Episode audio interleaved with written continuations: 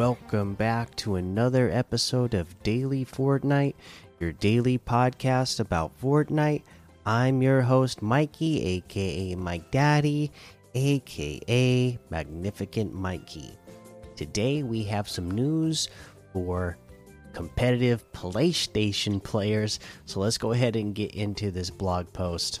Yes, this is another PlayStation Cup. The January Fortnite PlayStation Cup starts on the 14th. Calling all PlayStation players. It's time for another PlayStation Cup. You'll have an opportunity to compete for a share of $107,100 on January 14th through January 15th.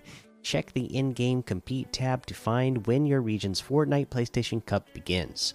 This PlayStation Cup is not available on the Asia server region, and players in Japan are ineligible to compete. Uh, only eligible players on PS4 or PS5 consoles can participate in the Fortnite PlayStation Cup. The tournament is a solo competition with two rounds. Round one is an open competition where you'll have three hours to play a maximum of 10 games and earn as many points as you can. Only the top 100 players in each region will advance to round two. Round two consists of six total matches. The top performing players in round two will earn a prize in each region. See full prizing breakdown below. Uh, there's EU, NA East, NA West, and Brazil Fortnite PlayStation Cup prizing. Uh, there they have Oceania Middle East Fortnite pricing listed here. And okay, here we go. This is what we want to know. The point format is structured to give a healthy balance of points for eliminations and placement for round one. In round two, with a single lobby of players, eliminations are worth two points instead of one. Fortnite PlayStation Cup points format uh, basically you know each elimination in round one is one point. In round two they'll be worth two points.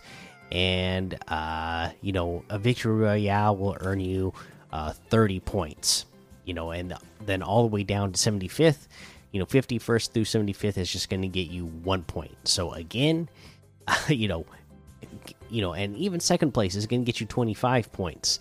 So it's a it's a big deal you know uh getting those placement points. I mean, think about it. if you ended up being 51st and just got one point for the round, versus even if you uh, ended up in fourth uh, that round and got 20 points, and uh, you know, you'd have to get 19 eliminations just to make up uh, the the rest of the points to take what it would take just for coming in fourth place. So uh, again, I always love these type of uh, scoring formats where.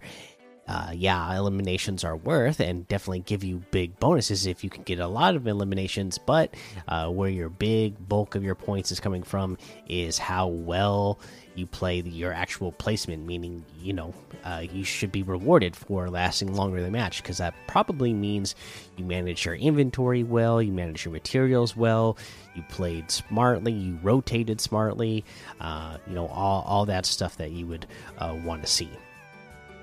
Uh, all right, so that is that blog post, and that is the news for today. Uh, let's go ahead, uh, take a look at some LTMs that we have going on right now Zombie Island Ice Age, um, Orange versus Blue FFA All Guns and Vehicles, Wacky West Prop Hunt, um, FNCS Solo Final Zone Wars. Tilted Zone Wars XA, FPS Window Wars Tycoon, 500 levels default death run, Duo Zone Wars 32 players, and there's a whole lot more to be discovered in the Discover tab. Uh, let's see here. Let's look at some quests. Again, we're all cut up. I'm all cut up, I should say, on the uh, season quests. Uh, let me see what, what, what. I'm I'm trying to remember what other quests that we had for this week. They were all pretty simple. Uh, and of course, I my page just refreshed here, and now I can't find the the uh, Fortnite challenges that we had. Uh, let's see here. Let me pull it up real uh, quick. Uh, pull it up again real quick, and we will see what is one that we haven't worked on yet. Uh, we claimed an abandoned tent. Drive a vehicle through water. Well, that's pretty straightforward, right? You're just going to get a vehicle. Uh, you know, I again, I going to Rocky Reels or Chonkers Speedway is going to be a guaranteed bet. You're going to get vehicles if you go to those locations and they're both not far from water. So that's where i would go. You know just uh, head to one of those locations and grab a, a, a car real quick and then uh, just head to the nearest uh, river. Okay so there's that. Let's head on over to the item shop now and see what it is that we have in the item shop today we have uh, our boundless set. Uh, all our uh, super customizable superhero items but we also have the superhero gear. So you have the hero gear bundle which has a phantasmic pulse harvesting tool emoticate back bling the hollow back back bling blue cyclo emoticon and the cupcake emoticon for 1400 the emoticate back bling with the blue cyclo emoticon is 400 then Phantasmic Pulse Harvesting Tool is 1200. The Hollow Back Back Bling and the Cupcake Emoticon is 400. Uh, now, the Boundless set, all of the uh, characters are 1,800 V Bucks each. Uh, you just choose whichever character model uh, that you decide you want. Uh, we also have the Baki outfit with the Moki back bling for 1,200, the Renegade outfit for 800, the extraterrestrial emote for 500, the cap kick emote for 200, the shanty for a squad emote for 500, the waterworks emote for 200.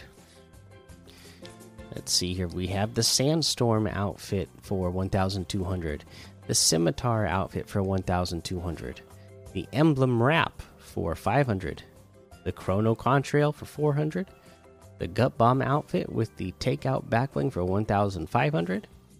Hot House outfit with the Tom Com Back Bling for 1,500. The Grill Count Harvesting Tool for 800. Rusty Roller Harvesting Tool for 800.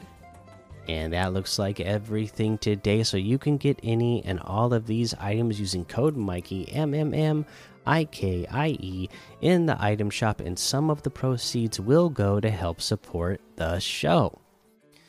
Okay, let's see here. Our tip of the day. This one came from the Discord as well.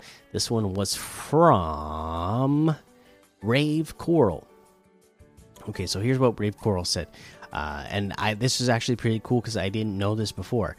So you know the we we were just recently talking about the the pine trees. Okay, you can uh, shoot them. You can uh, you know hit them, and they will fall over that's cool. That's one cool thing about the pine tree. Uh, one thing I forgot to mention about that as well is that it will fall on, you know, whatever. If there's an enemy nearby, it will fall towards the nearest enemy and uh, potentially hit them. So that's a cool thing as well. The other cool thing that Rave Coral mentioned is that you can set the the pine trees on fire, and that uh, as they roll, they will set everything else on fire in their path. That is pretty cool as well because that means you could uh, do a whole lot of damage, get a whole lot of things on fire really fast, and especially if you're in a third party situation where you can like set a pine tree on fire and send it toward the enemies who are in the uh, middle of a build battle. Uh, that is going to keep you safe and farther away from the fight. Well, making that fight tougher for them and potentially knocking them down, maybe getting some easy eliminations just from the fall damage. So take advantage of the fact that you can be spreading, uh, you know, fire like wild. Uh, and yeah, that's going to be the episode for today. Make sure you go join the daily Fortnite Discord and hang out with us. Follow me over on Twitch, Twitter, and YouTube. Head over to Apple Podcasts, leave a five star rating and a written review for a shout out on the show. Make sure you subscribe so you don't miss an episode. And until next time, have fun, be safe, and don't get lost in the storm.